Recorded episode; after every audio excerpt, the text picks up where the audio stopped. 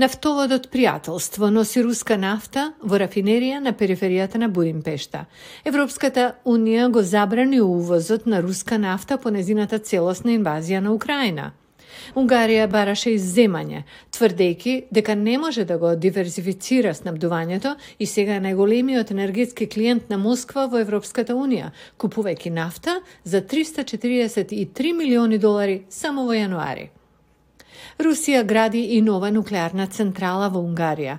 Киев вели дека Русија ги троши своите приходи од енергија на оружје за да убива украинци. Виктор Орбан ги отфрла повиците за прекин на економските врски со Москва.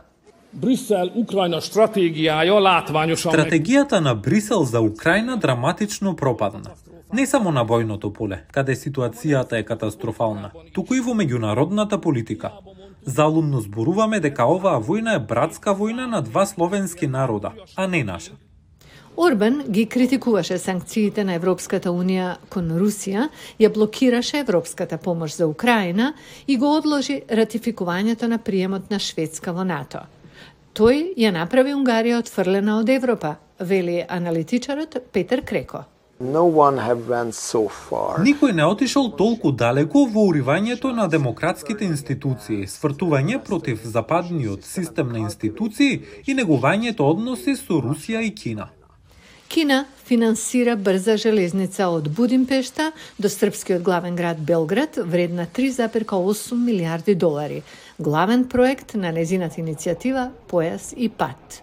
Унгарија беше меѓу најголемите светски приматели на кинески инвестиции во рамките на програмата во 2022 година. There are arbitrarily designed and Постојат произволно дизајнирани и брзо усвоени регулативи од парламентот за да се спречи каков било увид или надзор во и над руската инвестиција во нуклеарната централа или кинеската инвестиција во железничката пруга што се развива од Белград до Будимпешта. Тие се големи инвестиции Во унгарски контекст, овие се инвестиции без преседан. Унгарската влада ги отфрла тврдењата за корупција и вели дека деталите за инвестициите биле чувани во тајност за да се обезбедат кинески заеми.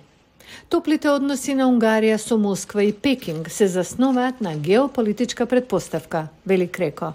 Where there is a, um, a new uh, Cold War type. Онаму каде што се појавува нов конфликт од типот на студена војна меѓу Кина и Западот, Орбан сака да ја игра улогата на мост меѓу двајцата. Исто така се повеќе се работи за идејата дека западниот либерален демократски поредок е пред колапс и дека мораме да бараме нови модели како тие во Русија, како тие во Кина. Тоа е голем пресврт од излегувањето на Унгарија од комунистичкото владење и пристапувањето во Европската Унија. Овој споменик го означува востанието во 1956 година против советската власт, која беше брутално задушена од Москва. Демократското владење нема да се врати во Унгарија до 1989 година, Но сега постои загриженост за состојбата на демократското владење во земјата и за силата на влијанието од Русија.